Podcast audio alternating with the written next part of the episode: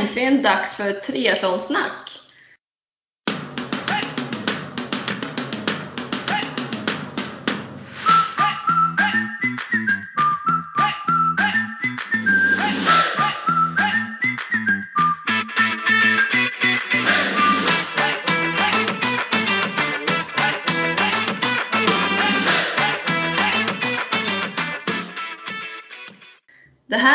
Avsnitt 14 med mig Sofia Häger och Och med mig Therese Granelli.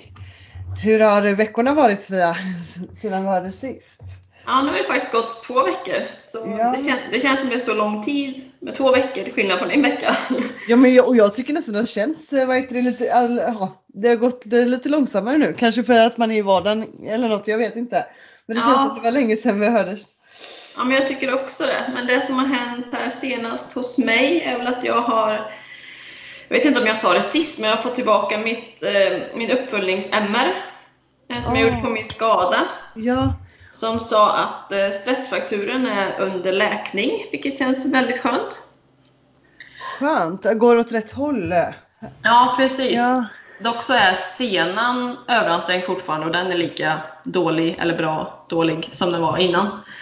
Eh, Så jag ska jag har fått en ny sjukgymnast och vi ska göra lite ny behandling och se över mina övningar och sånt. Fick laserbehandling för första gången i veckan. oj, hur Det kändes det? var, det var varmt. det liksom bränner ju. Och så mitt i det när jag säger liksom, ah, men det, det är för varmt, det är för varmt. Ja, man kan ju få brännskador.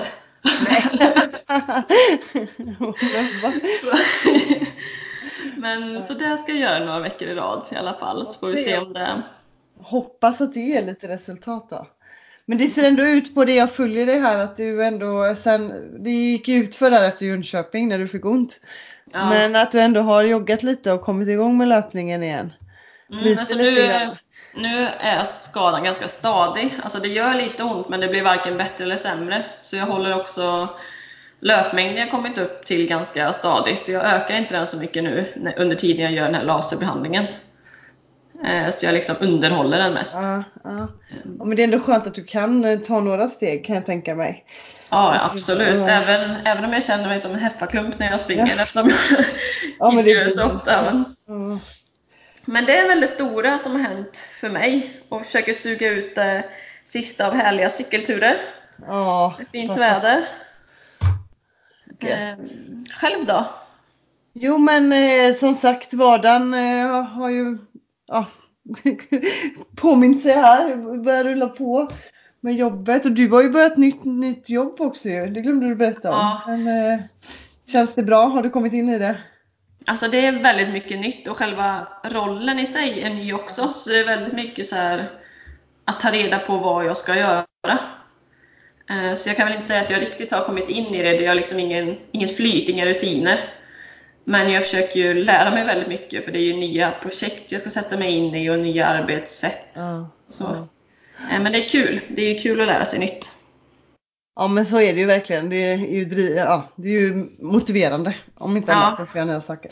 En annan då har ju har precis fått en ny eh, ja, en nyanställd projektledare hos oss som lite ska ta över mina projekt nu då. Eh, så att eh, jag har full upplärning. Det med hela min förra vecka var väl att ja, få in henne så mycket i alla mina grejer som möjligt så att eh, ja, hon kan göra en snygg övergång här helt enkelt. Ja, det tar ju lika mycket energi det att lära någon som att Ja men, lära sig. verk- men verkligen så. Eh, men väldigt roligt också såklart och det känns så bra att det, det, blir, det blir verkligen bra för kunden eller kunderna när det, när det blir så. Vi har ändå gott om tid på oss också. Vi kommer ändå ja, vara eh, förhoppningsvis i nära två månader till så att eh, det blir bra för alla parter. Eh, och eh, annars så är det, ja, mina pass rullar på, det går fortfarande väldigt bra så det är roligt. Så jag, Ma- magen mår bra. Magen mår jättebra, den Ja. växer väldigt fort bara. Så, så jag känner att jag börjar bli stor nu. Eh, och det roliga är att jag kanske inte känner mig det alltid ändå. Så, men när jag ser kort på mig själv eller mig själv i spegeln så bara fan vad tjock jag är. men, eh, men ja, så jag märker det framförallt på eh, ska jag säga när man är ute och tränar. Alltså ja, så jag springer ju lite fortfarande och när man eh, eh cyklar med folk och så att jag, hej, jag har ingen chans. Så jag blir, eh, ja, men jag blir trött fortare helt enkelt. Men det är desto bättre att vara på gymmet och eh, typ cykelklasser där när man är still på ett ställe. Det, det funkar väldigt bra. Ja, skönt. Eh, så jag har, må, mår jag bra så ska jag köra mina klasser september ut tänker jag. Så Ja. fyra veckor till då. Men vi får se. Mm. Eh, ja, nej, och sen är det mycket med den här eh, träningseventet som vi ska ha om två veckor. Det ska bli jätteroligt. Eh, tillsammans med MPVR eller Empower Sportswear. Eh, och eh, som sagt, ni, vi, vi är ambassadörer. Du kommer ju också komma dit Sofia. Mm, ser jättemycket fram emot det. Det blir Ja. kul att träffa alla och Ja, riktigt men det ska pepp, bli pepp jätte- event. Jättekul och där ska jag ju hålla en föreläsning så den sitter jag ju och jobbar lite med då. Mm. Eh, mm, så det ska äh, mycket roliga grejer på gång. Så då ses vi ju snart live. Det blir Ja kul. exakt inför när vid nästa inspelningstillfälle. Ja, precis. Men ska vi ta och hoppa in på dagens avsnitt? Det Eller tema? jag.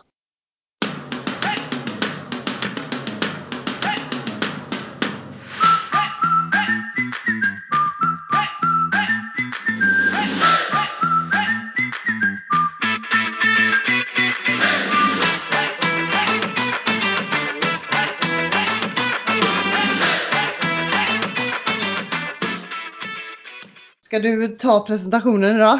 Yes, vi har ju åter en intervju idag. Ja. Väldigt spännande. Vi har en riktigt eh, stark triatlet på tråden.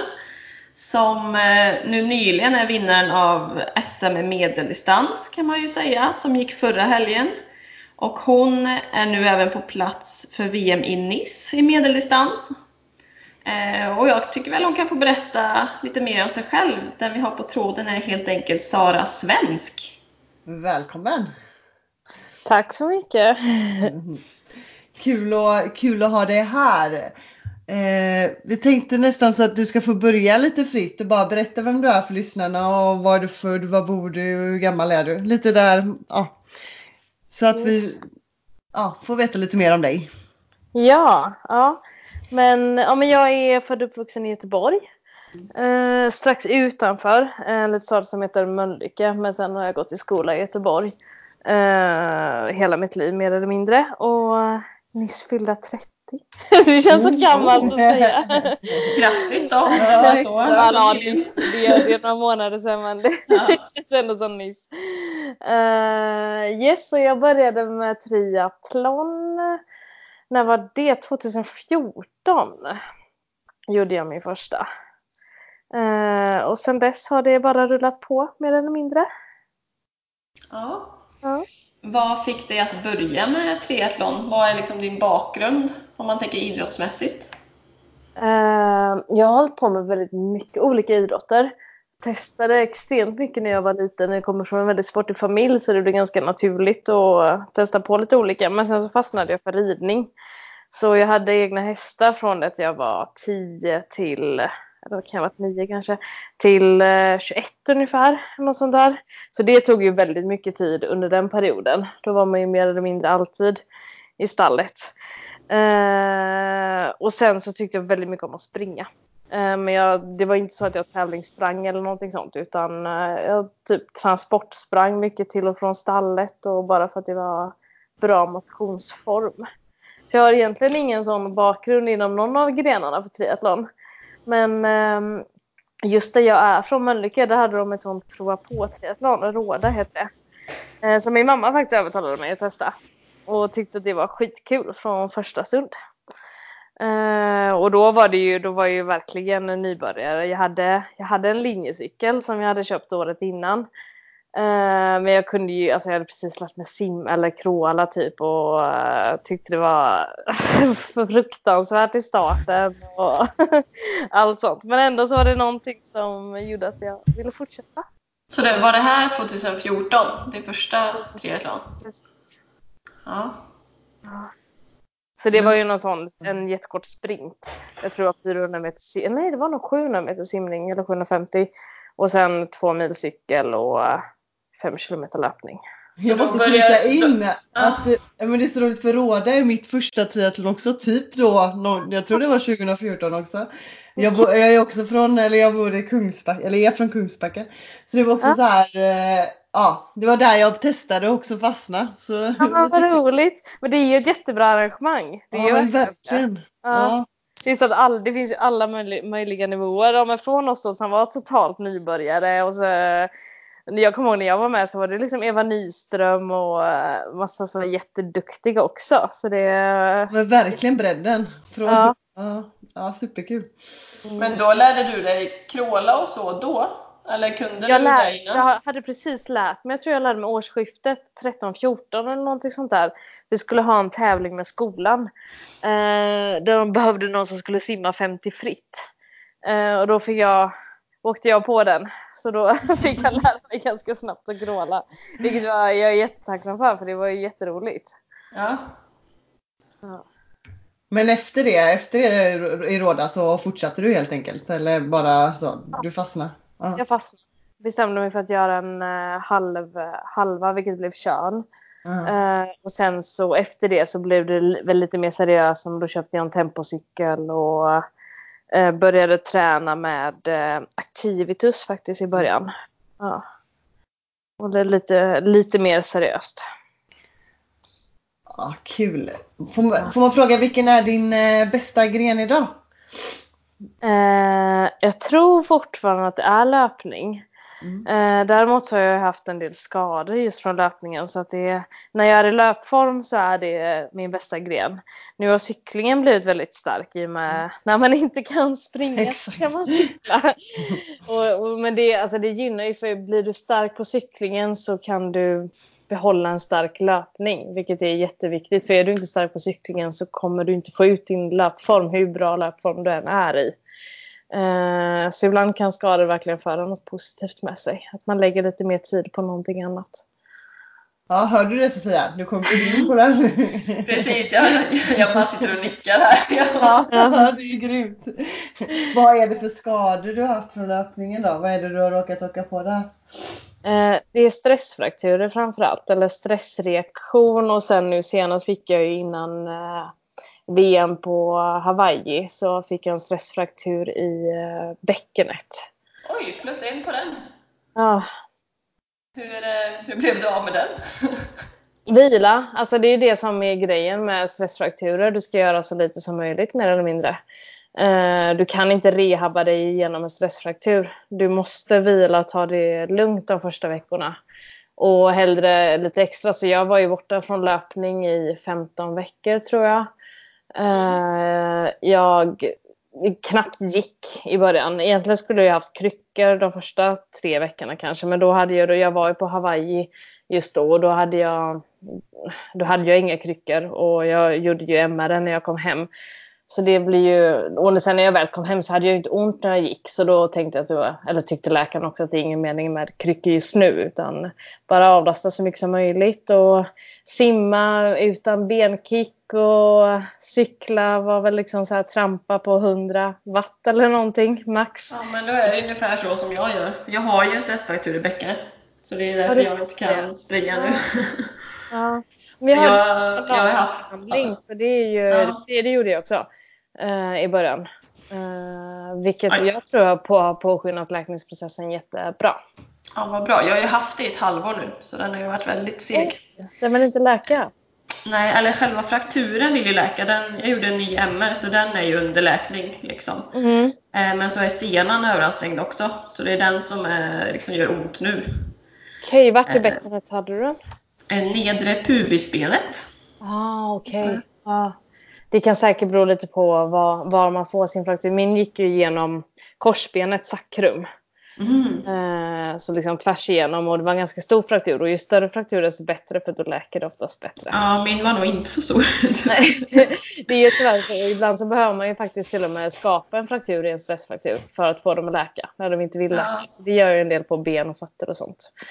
Men, Men du har inte haft några senskador så i samband med? nej, faktiskt inte. Nej. Alltså, ont kan man nog räkna med att ha ett tag ändå. För att du har ju ändå ett smärtminne och hela den biten och kommer alltid tolka smärtan som mer i just det området, kanske när det inte ens är någon smärta.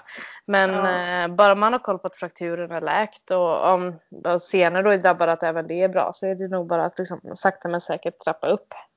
Ja. Ja. Yes, för att hoppa lite, lite vidare från skadeprat då. Eh, ja. Visst är det så att du slog det svenska damernas rekord på EM-distansen? Ja, förra året. Ja, vill du berätta om det? Håller det sig kvar eller hur? Ja, men det håller sig än så länge. Det var i Texas i april för ett år sedan. Uh, det blev ju lite kontroversiellt för att banan där var lite kort på cyklingen. Och det är ju alltid, alltså så är det ju med, med Ironman att de får ju diffa 10% per gren mer eller mindre. Eh, och banan var kort och det blev väldigt, väldigt snabba tider så då sa de först att inga rekord kommer godkännas. Men sen så var det var exakt samma bana som det varit alla år och den har alltid varit kort och tidigare år så har ju rekorden godkänts. Eh, men det var också under så extremt bra förhållanden när jag körde. Det var liksom ingen vind överhuvudtaget. Däremot så var det tokvarmt, vilket gjorde ju det hela jobbigt på sitt sätt. Men eh, det var en jättebra tävling. Man simmade i en liten konstgjord sjö. Eh, där jag fick höra efterhand att det finns alligatorer. Vilket var förklaringen till varför man inte fick simma dagarna innan. Jag var lite frustrerad över att jag inte fick lov att göra det. Men det kanske var bra då. Eh, och sen var det ganska mycket säkerhet kring när jag simmade. Det var hur mycket båtar som helst och så. Så det var, det var nog anledningen där. Och sen så cyklade vi på en motorväg. Eh, vilket är ganska häftigt. Eh, stor bred motorväg och det bara, det går ju fort som satan. Eh, och sen springer man ganska flack tur runt, runt den här sjön tre varv. Uh, jätte, jättefint. Och det är ja, men superarrangemang rent så. Jag kan verkligen rekommendera amerikanska tävlingar. De, de är duktiga på att arrangera. Ja men kul, det låter intressant. Ja, verkligen roligt. Men kände du att du gjorde en liksom, jättebra insats? För nu pratade du ner dig själv lite med att säga att banan var kort och det var väldigt bra förhållanden. Men hur kände du Jo, men jag gjorde en bra insats. Absolut. Ja. Jag är jättenöjd med prestationen. Uh, helt klart. Och som sagt, rekordet står sig än och jag hoppas väl att jag ska kunna slå det. ja, ja. slå sina egna rekord. Precis. Men om vi hoppar tillbaka lite snabbt till eh, skada. Nu pratar vi lite skada, men eh, hur håller du dig skadefri samtidigt som du vill utveckla så mycket som möjligt? Har du någon strategi eller någon tanke när du lägger upp din träning? Eller får hjälp? ja, eh, det är ju svårt för man ligger ju på alltså och balanserar ja. hela tiden. Eh, jag har ju väldigt nära liksom, med min tränare så det är ju ett väldigt nära samarbete där. Och jag har ju min sjukgymnast och massörer och den biten och naprapater som hjälper mig att liksom, hålla koll på kroppen så att man inte har några, dels ingen snedhet någonstans och sen att man jobbar med att aktivera rätt muskler vid rätt tillfälle och se så att det inte blir någonting konstigt där. Uh, och sen så är det ju alltså, A och O i nutritionen. Uh, och jag tror att det är många som fastnar i den fällan med att de ska vara så lätta som möjligt. Men det är hellre, hellre något kilo för mycket eh, än att eh, sträva efter att tappa det där lilla extra faktiskt. För det, mm. och att få i sig energin vid rätt tillfälle så att du alltid får i dig efter träning och har ett bra uppladdningsmål inför träning. Eh, det tror jag är bland, bland det viktigaste faktiskt. Mm. Har du haft några fler skador så efter stressfrakturen? För nu är ju det ett år sedan då. Ungefär. Eh, ja men precis, nej eh, faktiskt inte. Alltså, man, man har ju alltid lite småkänningar någonstans. det är inte eh, konstigt med den mängden. Nej träning. precis, men, men ingen sån uh, rejäl skada. Nej. Faktiskt. Så det, det har varit väldigt skönt. Då har man ändå kunnat träna på bra det senaste. Sen så är jag extremt nojig så jag känner efter väldigt, väldigt mycket i allting. Ja. Men då, det, är ju, då... det är ju bra då ändå att du är det kan man väl så. Då förebygger du kanske att det händer något. Så. Ja men precis, man får tänka så. Ja. ja. En annan är tvärtom nästan, att man är dum ibland. Att man bara vill för mycket. att ja, man inte men, lyssnar. Ja, men det är ju lättare så för att man lär sig mm. alltså, på man ska, att man inte ska lyssna på kroppen. För att det hade man lyssnat på kroppen hela tiden så hade man inte kunnat träna på den nivån heller. Nej, exakt. Men sen tror jag ändå att man ska, liksom, i träning så är det kroppen som ska bestämma. Och är du sliten så ta hellre bort det passet och kör något lugnt och så kan du mm. göra ett hårt pass när du känner dig fräsch. Mm. Medan sen när man kommer till tävling, det är då du inte ska lyssna på din kropp utan då ska du lyssna på hjärnan. Så att man får liksom försöka skilja på, på de två sakerna. Bra, bra tips. Ja. Ehm, eh, satsar du på, eh, på heltid eller pluggar jobbar du också? Jag jobbar 40 procent just nu eh, som läkare på en vårdcentral i Göteborg. Eh, det blir lite mindre än 40 procent för jag är iväg en del på läger och sådana saker. Mm. Men generellt så två dagar i veckan. Hur är det att kombinera jobb med satsningen? Fungerar det bra? Um, alltså både och. Det är mm. ganska skönt att ha någonting annat att fokusera på emellanåt och då får man också en naturlig återhämtning. De dagarna blir ju generellt lugnare. Uh, men sen så är det ju, tar det ju mycket energi också. Uh, och man kanske hade velat lägga det på att vila eller göra annat emellanåt. Men som sagt, just nu uh, har jag inte den ekonomiska möjligheten att kunna mm. satsa mm. fulltid som proffs. Mm. Utan behöver ett liten, liten inkomst. Hur ser en vanlig, om man kan säga vanlig träningsvecka ut för dig? Hur lägger, hur lägger du upp veckorna? Hur många timmar per gren och så tränar du? Oj, det är jätteolika faktiskt. Eh, det beror på var, eh, var i säsongen vi befinner oss. Eh, men säg att det är allting mellan 20 till 40 timmar i veckan eh, som jag tränar och det är eh, alltså ganska blandat. Jag simmar väldigt mycket för det är det jag behöver utveckla. Eh, men sen så är det faktiskt väldigt blandat. Cykel tar ju mest tid rent timmässigt i och med att det, man behöver det.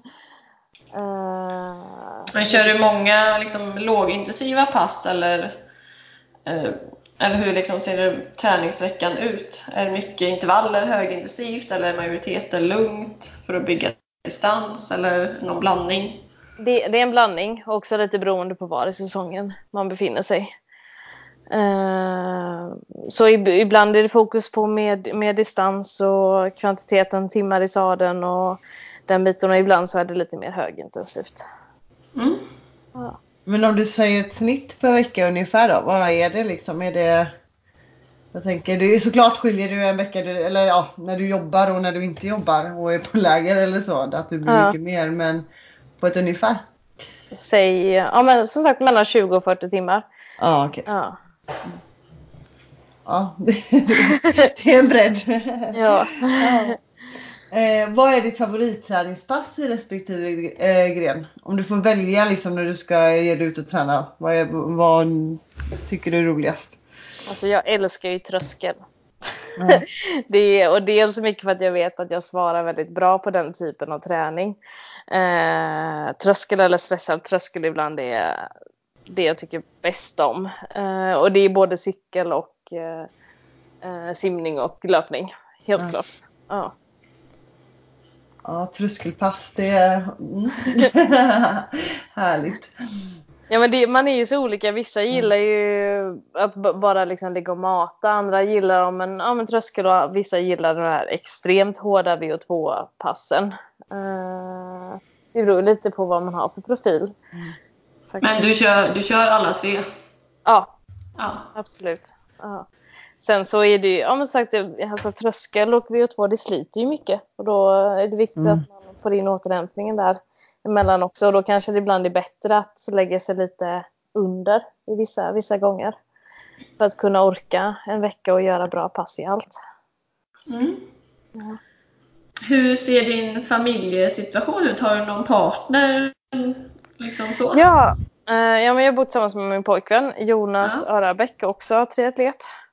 Ah. Ja. Så vi det blir, det blir mycket triathlon hemma hos oss. tränar, ni, tränar ni till och med tillsammans, eller hur? Eh, ja, men vi försöker. Sen har vi ju liksom, vi har olika coacher och lite olika upplägg, så alla pass går inte att få gemensamt. Men eh, det som går försöker vi få till. Men han satsar också? Ja, han kör också som proffs. Han körde Kalmar nu senast, jättebra på 8.32. Men han har kört på ganska bra den här sommaren väl? Ganska, det har gått ja. ganska bra. Ja. Ja, absolut. Så det har varit roligt. Och det är kul att kunna åka med och heja och stötta varandra. Ja, ja. samma intressen. Har ni träffats inom triathlon? Eller? Ja, exakt. Ja. Ja. Kul. Kul.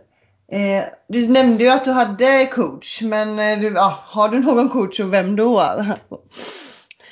Ja, eh, Frank Jakobsen heter han, en eh, Mm. dansk. Okej. Jag tränar, tränade Annie Thorén och tränar nu även Jesper Svensson om ni vet vem det är av de svenskarna. Och sen så har han en hel del eh, internationella som han tränar. Bland annat Michel Westerby kanske ni känner till. Eh, jag säger nej på den, men Sofia Ja. du har bättre koll. kanske... Faktiskt inte. Nej. Ja, men- Nej, men han har en hel del duktiga och det, det har funkat jättebra. Vi har kört ihop nu i, eh, är det två? Eh, nej, men snart två år faktiskt. Är det så att du har haft annan coach innan eller körde du på egna? Jag, ja, men jag började med att jag träningsprogram från Activitus efter att ha gjort lite Ja, tester och sådär. Uh, jag trivdes faktiskt inte särskilt bra med det. Eh, och då så började jag träna med en tjej som heter Katarina Åström. Uh, vilket fungerade jättebra och så hade jag även då en cykelcoach, Claes Johansson heter han, som jobbar mycket med uh, olika lag i Tour de France. Och det, alltså det var ju jättebra, men det blev mycket att ha två olika och just att få ihop helheten var väldigt svår. Uh, så då, då tränade jag var nästan liksom sönder mig själv, eller vad man ska säga. Så det det var väldigt skönt att hitta en som man som kunde ha allt liksom och att ha varit med i triathlonvärlden så extremt länge och ha så mycket kunskap så det, alltså det finns ingen jag litar så mycket på som Frank, verkligen. Ja, det är ju viktigt i en coachrelation, tänker jag. Ja, verkligen. Annars, annars fungerar, litar man inte på sin coach så fungerar det inte. För då litar man inte på sin träning och då litar man inte man på att man kommer att prestera bra heller. Så det, det är ju A och O när, om man letar coach så att hitta någon man har full tillit till. Precis. Hur, ja. Nej, jag tänkte säga bara hur, eh, hur har utvecklingen varit sedan du började med Frank då? Har du verkligen gett resultat i form av eh, sen innan liksom? Ja, definitivt. Ja, ja, Ja. kul. kul. Ja. ja, men det är kul att känna att man utvecklas. Ja, det är det. Ja men verkligen. Och du har gjort en ganska snabb ändå karriär får man säga. Du började ju sent och inte höll på med någon av grenarna. Så det är väldigt, väldigt imponerande att du har tagit det som du har gjort. Ja, ja. Tack. Om vi hoppar vidare till ett annat ämne då. Hur ser du på kosten? Följ, Eh, följer du några liksom, kosthållningar eller hur är du strikt i, ko i kosten eller hur tänker du? Eh, alltså näringsrik mat. Uh, och inte liksom, jag, jag tycker väldigt mycket om Linda Backmans filosofi, hon som är för SOK. Där det är, alltså, man delar inte in det onyttigt och nyttigt utan näringsrik och näringsfattig mat. Uh, så allting som kan tillföra någonting för dig och din träning, det är bra.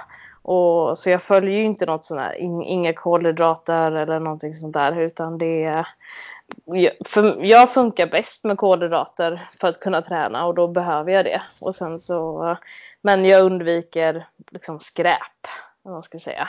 Men sen är det klart att jag unnar mig.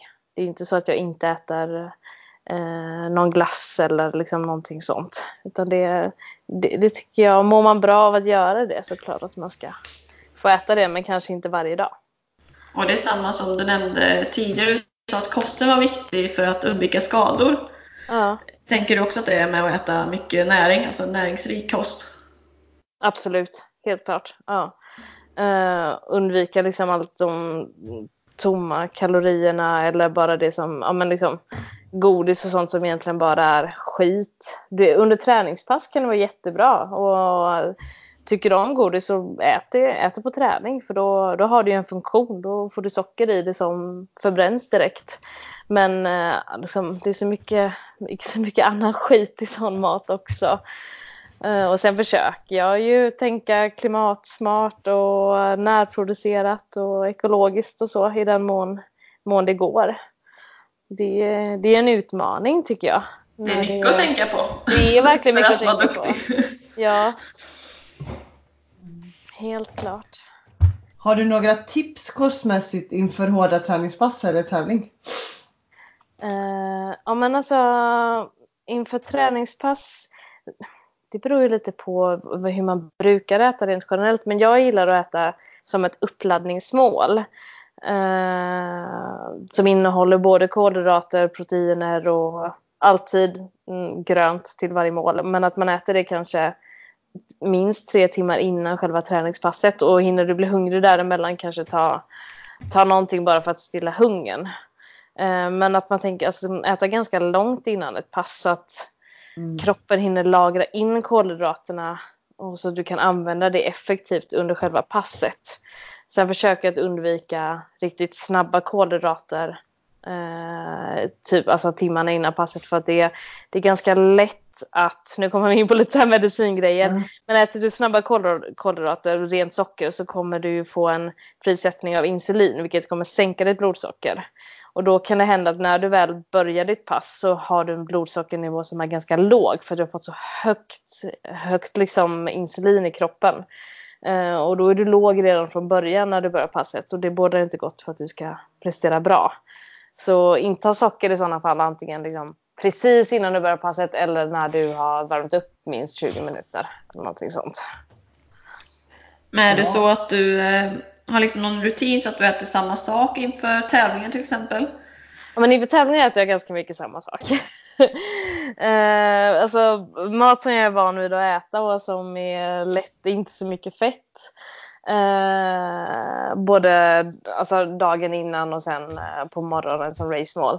Jag, många är väldigt sådana bigga fan av kolhydratladdning. Jag är väl inte det för jag tycker att jag får lättare problem med magen om jag kolhydratladdar. Eh, men sen när, om du ska tävla så drar du ju ofta ner lite på träningen eh, innan. Och äter du normalt och drar ner på träningsmängden så kommer du ändå lagra eh, kolhydrater. Så du, du får ändå en viss form så. Och sen så är det viktigt att du tillför under, under själva tävlingen. Har du något det... konkret exempel på vad du äter? Jag tänkte också säga det, något ah! konkret bara för att få något att ta på. Liksom. alltså tidigare, alltså dagen innan tidigare åt jag alltid eh, pasta carbonara fast med lite mindre fett. Nu de senaste har det blivit lax och potatis. Vilket har funkat bra. Det låter det, enkelt och bra. Ja, ja faktiskt. det var inte vara så särskilt. Som sagt, alltså, vissa tycker ju om att kolhydratladda och kör alltså, kanske bara ris eller eh, att de köper sådana där, liksom, eller typ dricker sportdryck och äter massa godis. Men det, det funkar inte för mig. Så det, plus att jag gillar inte känslan av att man, man samlar på sig ganska mycket vätska så man känner sig liksom uppsvälld. Uh, och det kan jag tycka är ganska jobbigt. Jag vill, jag vill ha en god känsla inför tävlingen och inte känna mig tung och däst liksom. Och det är, ju, det är ju mycket mentalt i en Ironman så det, ja man får pröva sig fram lite tror jag vad som funkar. Ja, precis. Ja. Har du några andra rutiner eller tics för dig som du liksom gör eller känner att du måste göra innan tävling? Um, jag har alltid ett pass som vi kallar uh, Three Days to Race. Det kör jag alltid tre dagar innan uh, en tävling. Och sen så är de resterande dagarna, då är det ungefär samma pass. Uh, varje gång mer eller mindre. Men hur, ser det, det, hur ser det passet ut? Three alltså days är, to race. Det är ett cykelpass där du är uh, lite under, lite över tävlingsfart mer eller mindre och sen så springer du efter det också. Mm. Uh, så det, det, det har funkat bra. Jag gillar, jag gillar att köra på ganska hårt. Uh, det, det är väl det svåraste att trappa ner på träningen tycker jag, men även om man vet att man måste. Det är lätt att man tränar för mycket inför en tävling än att man tränar för lite så är det ju verkligen och så är man taggad och så ja, känner man sig väl ofta lite lätt och så i kroppen inför tävling. Exakt. Ja, ja. Eh, ja, fram tills nu då, vad har du haft för mål innan och har du uppnått dem? Vad har varit dina mål liksom i triathlonsatsningen? Eh, mitt stora mål förra året var att ta mig till Hawaii. Mm. Uh, och det, det gjorde du ju faktiskt. Ja, precis. Ja, men vi har ju pratat om det, jag och min tränare. För jag hade ju bara specificerat att målet var att ta mig till Hawaii. Och det gjorde jag, men sen så kunde jag ju då inte fullfölja, vilket var väldigt, väldigt tråkigt. Uh, så nu i och då bestämde jag mig det här året att jag inte vill kvala till Hawaii i år, utan jag vill ge kroppen tid att läka och liksom bara ja, men träna på bra, racea mycket och tycker att det är kul att tävla. För förra året blev väldigt Alltså det var sån stress över att samla de här poängen för att ta mig till Hawaii. Att det i slutändan blev det liksom inte roligt att tävla längre. Uh, och så nu det här året har varit fokus på att liksom hitta tillbaka till, alltså jag älskar att tävla och det är, det, det är därför jag håller på med det här. Uh, och då var det väldigt, kändes det väldigt naturligt att ja, men jag satsar på att köra medeldistans i år och bara tävla så mycket som möjligt och ha kul med det. Uh, utmana kroppen uh, så långt jag kan och sen så är planen då att försöka kvala till Hawaii nästa år. Spännande. Har du något visst lopp du kommer köra nästa år för att kvala eller är det flera? Ja, kvalperioden har ju redan börjat så nu kommer jag försöka kvala nu i höst. Mm. Uh, och då blir det troligen Barcelona som jag kommer köra nu i oktober. Uh, och sen så kanske Argentina i december. Mm. Planen är inte riktigt satt än, men ungefär så. Men då är Hawaii ditt liksom långsiktiga huvudmål? Exakt. Just nu? Ja. ja. Har du delat upp det så du har korta, kortsiktiga mål fram till dess? Eller är det de här deltävlingarna, kvaltävlingarna liksom? Ja, men eh, nu är ju mitt huvudmål Nice som är nästa vecka. Mm. Eh, så det är ju all fokus dit egentligen. Eh, och sen så är det ju därefter så är det ju ja, men deltävlingar att kvala för till Hawaii. Och det, det, det kanske blir att man bara behöver köra en om, om, det, går, om det går vägen annars kommer, jag kommer ju oavsett tävla mer, men då kan man i alla fall släppa lite på den pressen att man måste, måste kvala på just den tävlingen utan bara racea och få erfarenhet av det. Vad har du för mål nu i Nice? Eh, jättesvårt. Det är så himla många duktiga med men alltså jag vill, jag vill bli trött. Jag vill ja. få ut det mesta, det jag har och gå i mål och känna att liksom, det här var det jag hade i kroppen och jag fick ut maximalt. Men eh, känner och, du att du är i bra form? Liksom? Jag, jag är i jättebra form. Mm. Uh, kul! Ja, det är kul. Men uh, det är alla andra också, för det är ju som sagt det är VM. Alla är i sin toppform inför det. Så det, uh, det kommer, bli, kommer bli väldigt spännande. Det är ju som vanligt också mycket som ska stämma under en dag och en tävling. Men, precis, det är det ju. Man kan, alltså, nu det är fortfarande sex dagar kvar, jag kan bli sjuk. Man, man, man vet ju aldrig eh, vad, vad som kan hända. Eh, så för, för målet är ju att liksom hålla sig frisk nu så att man kommer till startlinjen och sen så är det ju bara att köra på. Ja. Och mm. som sagt, alla, alla tjejer är i väldigt bra form och det Ja, det kommer bli spännande att se. Om det blir en tionde plats är jag nöjd med det. Om det blir tjugonde är jag nöjd med det. Om det blir podium Vinst, är jag nöjd med det. Men liksom, bara jag känner att jag har fått ut, fått ut det jag har i kroppen och placering är sekundärt. Ja, vi kommer heja på dig. Ja, men det är bra. eh, hur upplever du eh, att vara elitsatsande tjej? Känner du att det är eh, jämställt mellan könen? Typ sponsring, eh, prispengar. Liksom hur upplever man, är det svårare att vara tjej eller är det jämställt i triathlon? Om man jämför typ fotboll så är det ju stor skillnad. Ja, ja men verkligen. Nej men triathlon är ju en väldigt jämställd sport så sett. Sen mm. är ju merparten är ju män, vad är det, typ 90% män och 10% kvinnor. Mm. Eh, eller någonting sånt Men sen är ju prispengarna detsamma, det är samma distanser. Jag tror sponsormässigt så är det alltså, li, lika lätt för en tjej som en kille. Jag tror inte att det är en större skillnad så sett. Eh, faktiskt. Så det, på, på det sättet är det en väldigt jämställd sport. Sen så får väl herrarna kanske alltid lite mer uppmärksamhet för de är ju alltid de som går först över mållinjen om det är både båda könen på tävlingarna. Så det är så sett. Och sen så märker man ju rent generellt, alltså om jag Säg att om jag och min pojkvän är, har en cykel på bilen och är ute och kör och det är min cykel eller något sådär, då alla antar ju att det är hans cykel. Eller liksom så här, det är ingen som tror att det är, att det är jag, eller vad man ska säga. Det är, och det är väl generellt i idrott kan jag tänka mig. Man förutsätter att det är killen som håller på med det framförallt.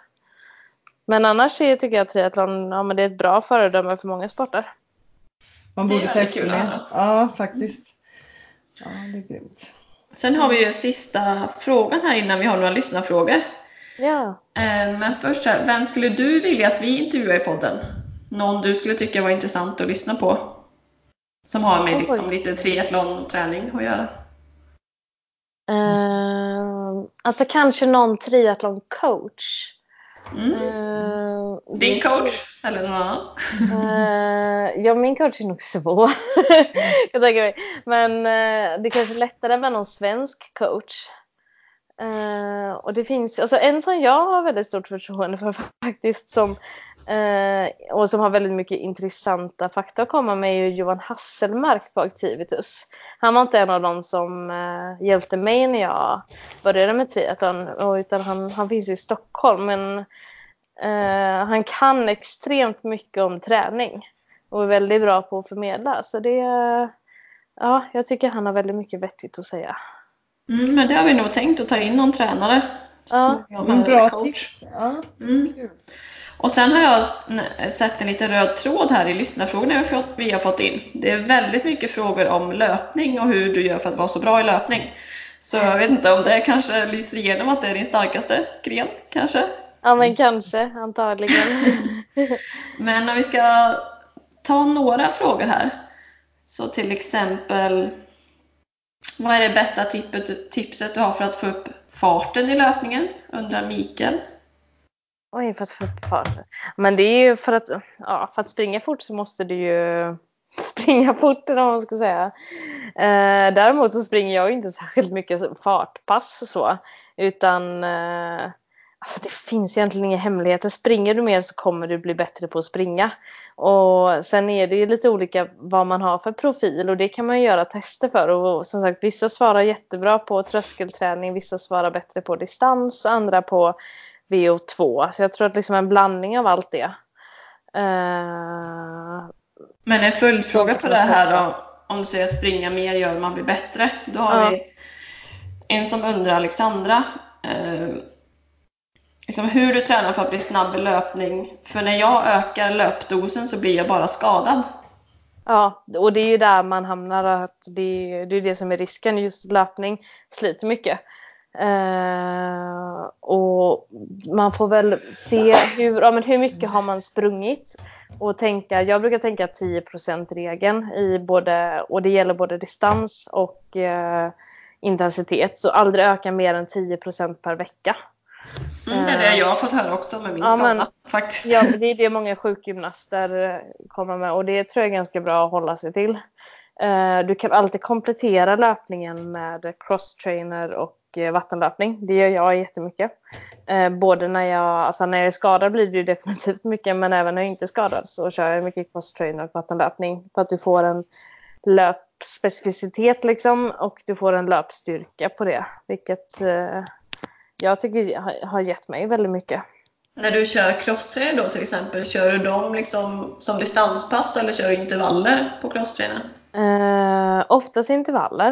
Eh, men det är lite Har du något eh, tips på något pass? Hur det kan se ut? Ja, alltså ett som jag har som är eh, det är på en timma eh, där du kör 10 gånger 5 minuter kan man säga. Fast ingen vila emellan så är det 3 minuter där du kör tungt. Eh, så att du liksom verkligen får jobba styrkemässigt och sen så är det 2 minuter där du kör hög eh, frekvens eller kadens på benen. Eh, så Och sen du bara börjar om? Ja, så bara börjar om Mm. hela tiden. Eh, Det låter tufft. liksom- Ja, men det, det är sjukt tufft. Ja. Verkligen. Ja, för jag minns första gången jag gjorde det, jag höll på att dö. Sen så kommer man in i det lite grann. Men det, det, tanken är att det ska ersätta egentligen ett distanspass löpning. Liksom. Eh, men det, det tycker jag är jättebra. Och sen, sen kör jag mycket där det är ganska alltså hög, eh, hög frekvens helt enkelt och inte jättetungt. Mm. Och vattenlöpning Ja, mycket inte för det blir sjukt tråkigt att köra bara rakt av. Det går ju Ja, så det har jag gjort långsamt. också. Ja. Ja. det gör ju det. Ja. Ja. Men om vi ska ta sista lyssnarfrågan då. Eh, så är det Magnus som undrar hur man kan tänka om cyklingen är ens starkaste gren. Eh, men man har ju löpningen efteråt som inte man är lika stark i då. Liksom För att man inte ska fega ur för mycket på cyklingen inför löpningen. Om du förstår vad jag menar. Eh, vänta, ta det en gång till för det hackade lite så jag hörde inte riktigt. hur man ska tänka på cyklingen i triathlon. Mm. Om det är en starkaste gren, men man har ju ändå löpningen kvar efteråt som man inte är lika stark på. Hur man ska tänka så att man inte liksom sparar sig eller segrar för mycket på cyklingen, tror jag är hans poäng. Ja, eh, om man har möjlighet så kan man göra tester för att se när man, eh, alltså, när man spränger sig, eller vad man ska säga. Då kan man gå till olika testkliniker. Eh, eller så får man helt enkelt testa sig fram. Uh, om man kör med effektmätare så är det ju väldigt lätt att då, men då bestämmer du för om jag ska försöka hålla det här och hur funkar löpningen efter det. Och sen nästa gång kanske, ja men uh, hur ska jag hålla det här? Och så får man liksom testa fram på det sättet. Jag själv gör ju mycket alltså, fälttester med min tränare så att vi jag cyklar på en viss effekt och så mäter vi laktat uh, och sen så springer jag och så mäter vi laktat och så liksom kollar man olika, olika effektvärden och olika eh, farter på löpning och sånt för att se vad som passar. Och sen får man även väga in om det är varmt, energi och hela den biten. Så det är svårt. Det är jättesvårt. För som sagt, man vill ju inte spara sig för mycket. Man vill ju inte spränga sig heller. Jag tror att... Ja. ja men det är ju jättesvårt när man är duktig på cykeln då. För det är klart att man ska utnyttja det, säger jag. Alltså... Ja, men det, det vill man ju absolut göra. Eh, Eh, men sen så kanske man skulle, alltså, säg att om du kör en halva så kanske du skulle tjäna på att bara lägga dig lite, lite under dina eh, effektvärden som du haft tidigare så kanske du kan springa en halvtimme snabbare. Det är det det ändå kan eh, ja, alltså, handla om, om det är så att du liksom måste gå. För så, så fort du måste gå på löpningen så tappar du ju extremt mycket fart. Och kan du hålla dig springande hela tiden så är ju det guld. Och då mm. kanske det kan vara värt att cykla tre minuter långsammare om du kan springa en halvtimme snabbare nästan. Mm, det är sant, det är väldigt smart att tänka på det sättet också. Mm. Mm. ja, Therese, vill du ta våra fem? Eh, Jag funderar på om vi ska ta topp tre tipsen först och så slutar vi med de fem snabba. Ja, men det kan vi göra. Ja, ja. Okay. Du har ju fått eh, att du ska ta, eller vi vill ha tre tips av dig. Mm. För optimal uppladdning inför tävling. Så vi, ja Sara, du kan få dra då. eh, för optimal uppladdning, okej. Okay. Eh, jag tycker nummer ett är att du ska ha kontroll. Och det, det, det, är väldigt baserat på mig själv för att jag är lite av ett kontrollfreak. Eh, och jag, alltså, jag kan hålla mig lugn om jag har kontroll och det innebär alltså om man har, man har koll på, du har koll på ditt material, du har koll på cykelbanan, löpbanan, simbanan. Och då kan du liksom slappna av och då undviker du ett stort stressmoment. Vilket är liksom nästa tips som ska det är att undvika alla onödiga stressmoment. Eh, och då, för då kan du uppladdningen blir mer optimal. Och där gäller det att ja, slappna av, vara trygg i dig själv, eh, ät gott, se en film kvällen innan eller någonting som gör att du kan eh, bara koppla bort tankarna lite grann. Nu, nu, blev, nu flöt alla tips ihop kände jag här, men det, ni kanske förstår meningen. Men kontroll, undvika stressmoment och vad var den tredje om vi ska sammanfatta? Eh, om man får i dig, alltså så här, ät något gott, eh, få i dig bra energi liksom dagen innan. Ja, det känns som tre tips man ja. kan efterleva. Ja, men det, det, är inte så svårt egentligen. Och just så inför en tävling så... Alltså, gillar du rutiner så kör rutiner. Hitta någonting som funkar och så kör du på det. Och sen kan du alltid testa någon, något nytt inför någon tävling. men... Eh, Ja, jag, jag, tror att många, många oroar sig eh, kanske lite för mycket och stressar upp sig. Men just, just det där med att ha, ha koll på läget gör att man slipper väldigt mycket oro, tycker jag. Mm. Ja. Brukar du liksom simma, cykla och springa banan innan? Det kanske beror på vilken tävling det är. Uh, ja, alltså jag har aldrig åkt till en tävling och jag inte kollat cykelbanan. Om det blir så att jag cyklar den eller kör den med bil eller någonting. Men jag tycker det är, det är så skönt att ha, ha koll på den helt enkelt. Vet om det är skarpa svängar och cykla runt koner och grejer.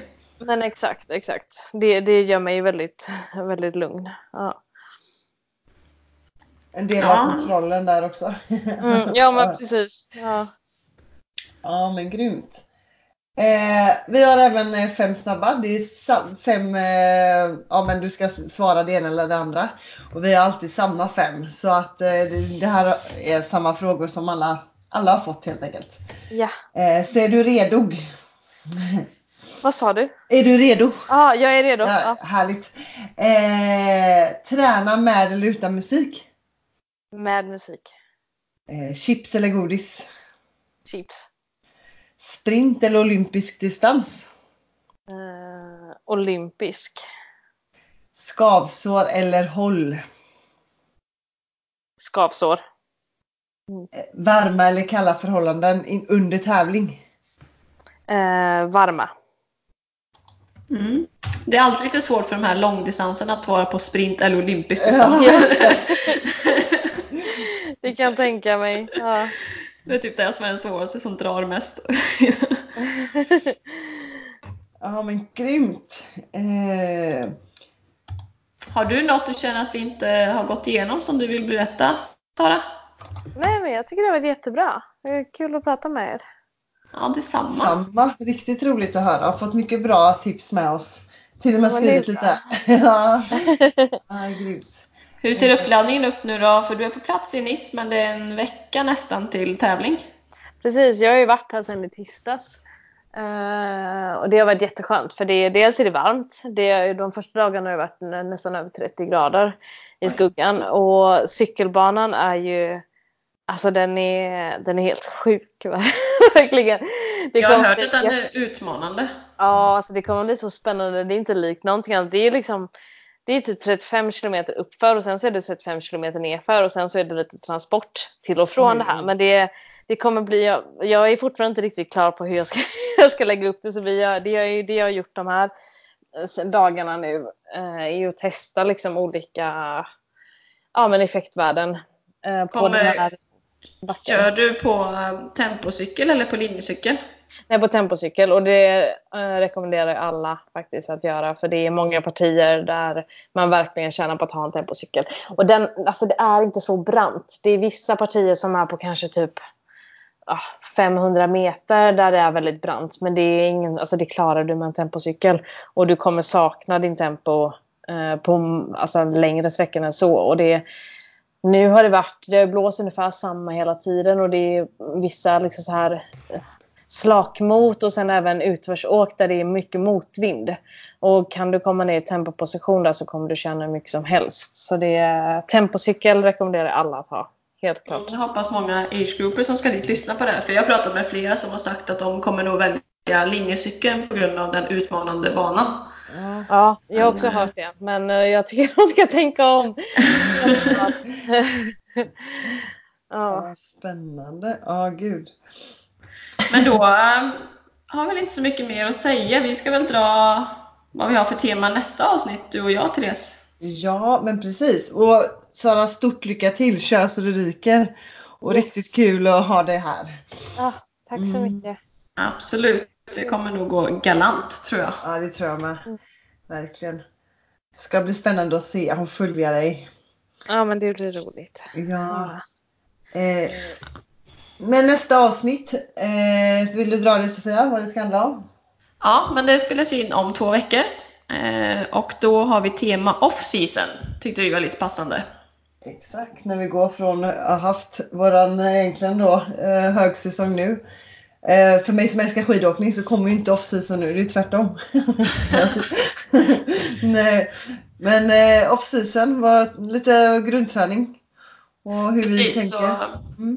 Så som vanligt om ni har frågor eller något ni vill att vi tar upp så skriv gärna till oss på Instagram, triathlonsnack, eller i vår Facebookgrupp, eller till mig eller Therese, helt enkelt. Precis. Grymt! Och så hoppas jag vi ses den 15 september i Hovås när vi har eh, träningsevent. Så in och anmäl er, det är inte för sent. Nej, men då säger vi så. Tack till Sara och tack till alla som eh, lyssnar. Ja, tack! Ha det så bra!